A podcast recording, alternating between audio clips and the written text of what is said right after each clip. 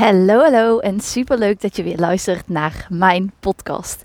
Mijn naam is Bente en zoals ik gisteren al zei, wil ik deze week, misschien de weken, in het teken laten staan van het nieuwe jaar.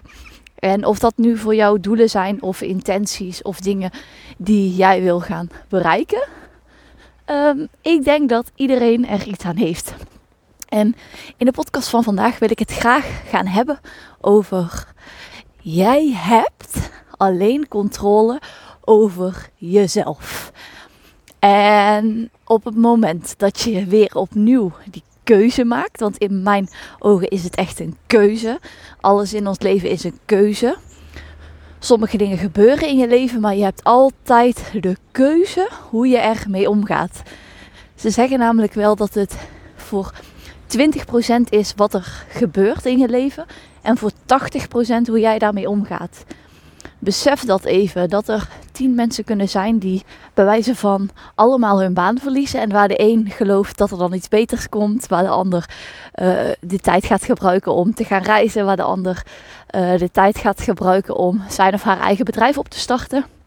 En het ziet als een teken, een divine intervention, intervention, intervention een divine intervention. Um, en terwijl ik dat zei, zie ik een kenteken met 1111. Heel mooi. Um, of uh, dat, dat er ook gewoon veel mensen zijn, die zullen er ook veel zijn, die gewoon zullen klagen en in ellende gaan zitten. En waar ik denk dat het oké is en ook goed is om gevoelens echt te laten zijn. Wij willen als mensen ook heel vaak gewoon niet iets veranderen aan een situatie. En ik ben dan soms best, ja, ik weet niet of dat hard is, maar ik heb soms zoiets als mensen blijven klagen over een situatie waar ze in zitten, dan heb ik zoiets van of doe er iets aan of stop met klagen en accepteer het. En ik weet zelf ook, er zijn ook situaties waarin het niet zo zwart-wit is. Maar in alle situaties kom je steeds opnieuw weer terug bij hoe ga jij om met de situatie. En dan kom je weer terug op het feit, je hebt alleen controle over jezelf. En nu zul je misschien denken, controle, controle, wil ik dan graag controle? Ja, wij als mensen willen heel vaak controle. Wij zijn hier namelijk gekomen om te doen wat wij willen. Ik zeg wel vaker, wij komen alleen en we zullen uiteindelijk ook alleen gaan. Dat betekent dat we eigenlijk van oorsprong, als hoe wij hier zijn gekomen, als vrije mensen zijn gekomen die zich niet aan regels hoeven te houden, die zelf mogen weten wat ze gaan doen, die zelf mogen weten, mogen bepalen wat ze wanneer doen, of ze iets wel of niet doen. En naarmate wij ouder zijn geworden, naarmate wij ouder zijn geworden, zijn er ons regels opgelegd. Is er een bepaalde conditionering opgekomen Waardoor wij verder van onszelf weg zijn gaan staan. Waardoor wij eigenlijk, waardoor langzaam, daarin worden wij ook helemaal bijna geïndoctrineerd, vind ik zelf. Maar daarin worden wij echt, ja, ja, ik geloof dat echt. Ik kan dat ook gewoon zo zeggen. Ik werk zelf in het onderwijs, maar ik geloof echt dat zeg maar onder andere door het onderwijs, maar ook hoe de maatschappij in elkaar steekt, dat we kinderen er al voor zorgen dat ze steeds verder van hun eigen gevoel af laten staan.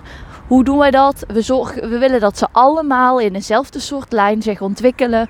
Alsof het gestandaardiseerde robots zijn.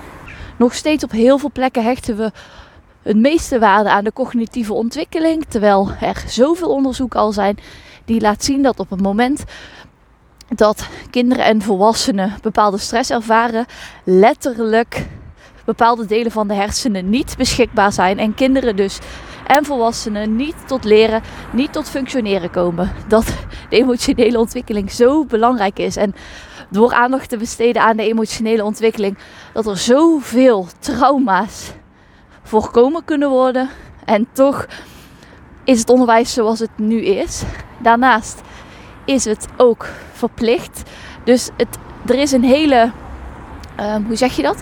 Een hele constructie om kinderen binnen het systeem te houden. Ehm, ook een systeem, uitzonderingen daar gelaten, maar waarin kinderen op vaste tijden moeten eten. Ehm, wanneer de school dat van ze verlangt. Uh, kleine kinderen, merk ik ook in mijn klas, kunnen fantastisch goed luisteren naar hun hongergevoel. En wij leren het gewoon af. Want als volwassenen zijn we zo geconditioneerd dat we op die vaste tijden honger hebben. Maar kinderen hebben het vaak even eerder of even later. En wat doen wij als volwassenen? Wij vinden dat vaak irritant en vervelend. Terwijl die kinderen juist fantastisch goed luisteren naar hun gevoel. En ik denk dan ook, op het moment dat wij luchtiger zouden praten over eten, zouden stoppen met eten als een beloning zien, hoe wij zijn opgevoed met als je uh, dit opeet mag je een toetje en dat. Dat de relatie met eten veel beter is en dat de kinderen ook leren om echt veel beter naar zichzelf te luisteren. Maar dan wijk ik eigenlijk weer, weer, weer af, of wijk ik weer uit, want ik heb ooit zo gezien. Iemand heeft ooit het schoolsysteem zo gecreëerd met ook die bel. Um, die bel op bepaalde tijden, dus wanneer het begint en ook um, tijdens de lunchtijd. En dat is eigenlijk ooit ontstaan om mensen te conditioneren om loonwerkers te zijn, om uh, hoe zeg je dat, ploegmedewerkers te zijn. Zodat ze al gewend raken aan een bepaald ritme. Dat ze eigenlijk gaan reageren op een, op een bel. De bel is dan zeg maar het teken dat ze iets moeten doen. Uh, dat is ook een uh, conditioneringstheorie van, ja, ik zeg het uit mijn hoofd, volgens mij Piaget. Moet je wel eens opzoeken, is heel interessant. Gebruikten ze vaak bij dieren. Dus als, als, een, als een hond dan een belletje in het begin was er dan een experiment, als ik het goed onthoud, onthouden heb, dan ehm, was er een hond. En als ze dan met het belletje rinkelde, dan wist hij, oh, dan krijg ik een worstje. En op een gegeven moment konden ze zelfs dat belletje weghalen en nog steeds. En het vleesje weghalen en nog steeds bleef die hond zeg maar continu naar dat punt komen. Omdat het dus zo geconditioneerd was om te doen. En wat ik al zeg, ik werk zelf in het onderwijs, dus ik vind het echt heel heftig. Tegelijkertijd hoop ik ook, zolang ik nog werkzaam ben als leerkracht, dat ik echt ook mijn positieve steentje bij kan dragen omdat ik ook denk dat er ook mensen moeten zijn die af en toe dingen anders doen. En daarin een weerwoord hebben.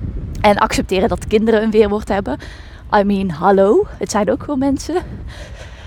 Maar tegelijkertijd schuurt het ook wel enorm. En iemand heeft dat dus ooit zo bedacht. Toen ik dat filmpje zag, dacht ik echt wow. Ze gaven eigenlijk ook de vergelijking met um, een potje waarin eigenlijk vliegen werden gedaan. En daar zat eerst een deksel op, de eerste dag. Of de eerste twee of drie dagen. En uh, die vliegen die wilden er continu uit. Die waren eigenlijk continu op zoek naar vrijheid. En uh, die bleven continu tegen die dop eigenlijk aanvliegen. En na drie dagen haalden ze die dop ervan af. En bleven die vliegen gewoon in het potje. Omdat zij op dat moment dus al geconditioneerd waren om in dat potje te blijven. En waarom bent, vertel jij nu dit hele zijverhaal over het onderwijs, over vliegen, over een hond met een vleesje? Omdat dit is wat er in de maatschappij gebeurt. Wij worden opgevoed, wij worden grootgebracht met het idee dat vrijheid iets slecht is om te willen. En dat we moeten gaan voor zekerheid. Dat we moeten gaan, dat we in loondienst moeten werken. En dat we vooral moeten luisteren naar iemand anders. Dat maakt dat, maakt dat wij als volwassenen continu de verantwoordelijkheid buiten onszelf leggen. Terwijl wij eigenlijk hier zijn gekomen om vanuit volle eigen verantwoordelijkheid, vanuit joy en fun en ease, onszelf te ontwikkelen, te gaan ontdekken wat wij leuk vinden, te doen wat wij leuk vinden en vooral ons eigen pad te volgen, los van wat de buurman doet. En dan kom je terug op verantwoordelijkheid slash controle. Uiteindelijk hebben wij alleen controle over onszelf. En ik merk het zelf ook. Het is, dat is echt een ding om los te breken uit datgene wat de maatschappij van je verlangt en wat je al die tijd aan hebt genomen als waarheid. En ik ben hier om te zeggen dat er niet één waarheid is. En ik zeg ook niet dat wat ik zeg, dat dat de waarheid is. Maar ik hoop wel dat je met een kritische blik blijft kijken naar de waarheid. Want hoe kwam ik hier nou eigenlijk bij? Um, het is vakantie en uh, een paar dagen terug had ik echt zin om uh, naar een boekenwinkel te gaan en gewoon boeken te kopen. Dus ik koop dan ook in één keer eerst twee boeken en de volgende dag nog twee boeken. En ik lees dan in één avond een boek uit. That's me. En Kevin die rolt met zijn ogen en die denkt van, hoe doe jij dit? Ehm, maar toen hadden wij op een gegeven moment een discussie die eigenlijk nergens, of eh, wat niet eens een discussie, maar iets wat eigenlijk nergens op sloeg. En ik merkte in mijn hoofd dat ik dacht, ja, waarom doet hij nou dit? Of waarom denkt hij nou zo? Of waarom? En toen zei ik van, weet je, ik ga even wandelen, want ik dacht bij mezelf, ik, ik wist gewoon bij mezelf, wat ik nu aan het denken ben, slaat nergens op. Ik ben alleen maar naar hem aan het wijzen. Ik pak nul eigen verantwoordelijkheid ik ben alleen maar aan het. Of als ik nu blijf, dan ga ik alleen maar spuien. Dat was ik tot dat moment niet meer aan doen. Maar ik dacht van als ik nu hier blijf, niet in beweging kom, dan ben ik gewoon niet realistisch. En dan komt er gewoon even een discussie. En ik heb daar gewoon geen zin in.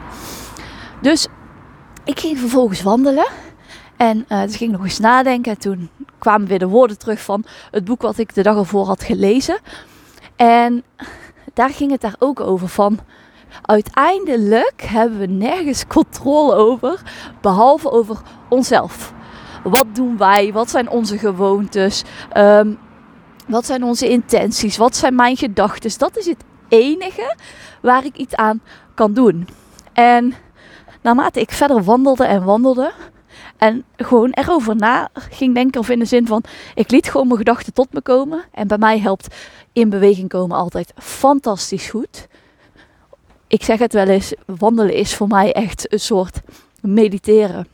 Je zal mij niet snel op een kussen zien zitten om te mediteren. Maar wandelen echt. I love it. En daarom vind ik het ook zo fantastisch dat ik zeg maar wandelen vaak kan combineren met de podcast. Omdat ik dan letterlijk mijn hersenspinsels kan delen zeg maar met anderen. Um, en in één keer dacht ik, kon ik er gewoon vanuit de helikopter weer naar kijken. En dacht ik, oh, dit is zo onrealistisch wat ik nu aan het doen ben. En ik ben continu aan het wijzen. En ik pak nul verantwoordelijkheid. En uiteindelijk zei ik van oké, ik heb nog even langer nodig. Omdat ik me daar bewust van werd. En tegelijkertijd ook gelijk die frictie voelde, die weerstand. Dat ik dacht, ja hallo, maar uh, uh, ik heb toch niet toegeven dat. En dat is dan weer het ego. En dus ik zie naar Ken van ja, ik heb nog even wat tijd nodig en uh, ik ga nog even wandelen. Nou, prima. En uh, toen kwam ik thuis en zei ik van, wil je me even laten praten? En even wachten met reageren. Dan kan ik het eerst even vertellen hoe ik het heb beleefd. En wat ik eigenlijk heel irritant vond aan jou. En dat het eigenlijk meer met mezelf te maken heeft dan met jou. En dat het dan iets triggert bij mij. Dus nou, ik verteld en uitgelegd en nou, hij geluisterd. En toen dacht ik weer bij mezelf van dit is dus echt die conditionering waar we continu, in ieder geval in my life, waar je vaak mee wordt geconfronteerd. Van in welke mate pak jij de verantwoordelijkheid? En dat betekent niet dat het in een stijgende lijn gaat en dat het altijd alleen maar goed gaat. Dat het super makkelijk is om dat altijd te doen. Maar dat betekent ook niet dat het onmogelijk is. En door je mee te nemen in deze situatie, wil ik je eigenlijk, en dat is stap 1 als je iets wil veranderen, bewust maken. Wil ik je een bepaalde bewustwording meegeven van dit is wat er gebeurt. En op het moment dat je er bewust van wordt, dan kun je er iets mee. En dan kun je op zo'n moment eens even zeggen van, weet je, geef me even een moment. Ik heb even nodig. Of, en ga dan even wandelen. Ga het voor jezelf opschrijven. Ga muziek luisteren. Ga dansen. Ga iets doen wat helpt. Maar dan kom je weer op het stukje van, uiteindelijk gaat een ruzie of een discussie gaat nooit de oorzaak ligt nooit in het moment. Dat moment is een trigger van iets wat altijd dieper ligt. En op het moment dat jij elke keer opnieuw bewust weer kan gaan kijken naar jezelf en jezelf weer de reminder kan geven van oké, ik heb alleen controle over mezelf. Wat ergens confronterend is, maar ook super fijn. Want dan weet je dus, ik ben geen hulpeloos hert. Ik kan heel veel veranderen, alleen ik moet loslaten dat ik iets bij de ander ga veranderen. En ik mag het terugpakken, weer bij mezelf neerleggen. Ik kan heel veel dingen veranderen, maar bij mezelf. En ja, ik denk dat dat vervolgens ook weer een tien keer fijner gevoel geeft. Ook al is het oncomfortabel om er doorheen te, te moeten gaan. Maar alles wat nieuw is, kan in in het begin voelen als onveilig. Onveilig betekent niet dat het onmogelijk is. Sommige dingen zijn juist ook heel goed om juist aan te gaan en te gaan proberen. En dat is wat ik je graag mee wil geven. Want ik denk dat dit een hele belangrijke is als het gaat om, of nou gaat om nieuwe goede voornemens, of over doelen, of over intenties, of over het verbeteren van iets. Verantwoordelijkheid. VS controle. It's key in everything. Ja, dat geloof ik echt. Ik hoop weer dat je me hebt kunnen horen, letterlijk en figuurlijk. Kevin heeft mij nou gebeld, dus ik ga hem snel terugbellen. En dan spreek ik je, wil ik zeggen. Dan hoop ik dat je morgen weer incheckt. Ik vond het super, super, super leuk dat je weer hebt geluisterd. Ik waardeer het zo mega, mega. Echt. Nou, tot de volgende keer.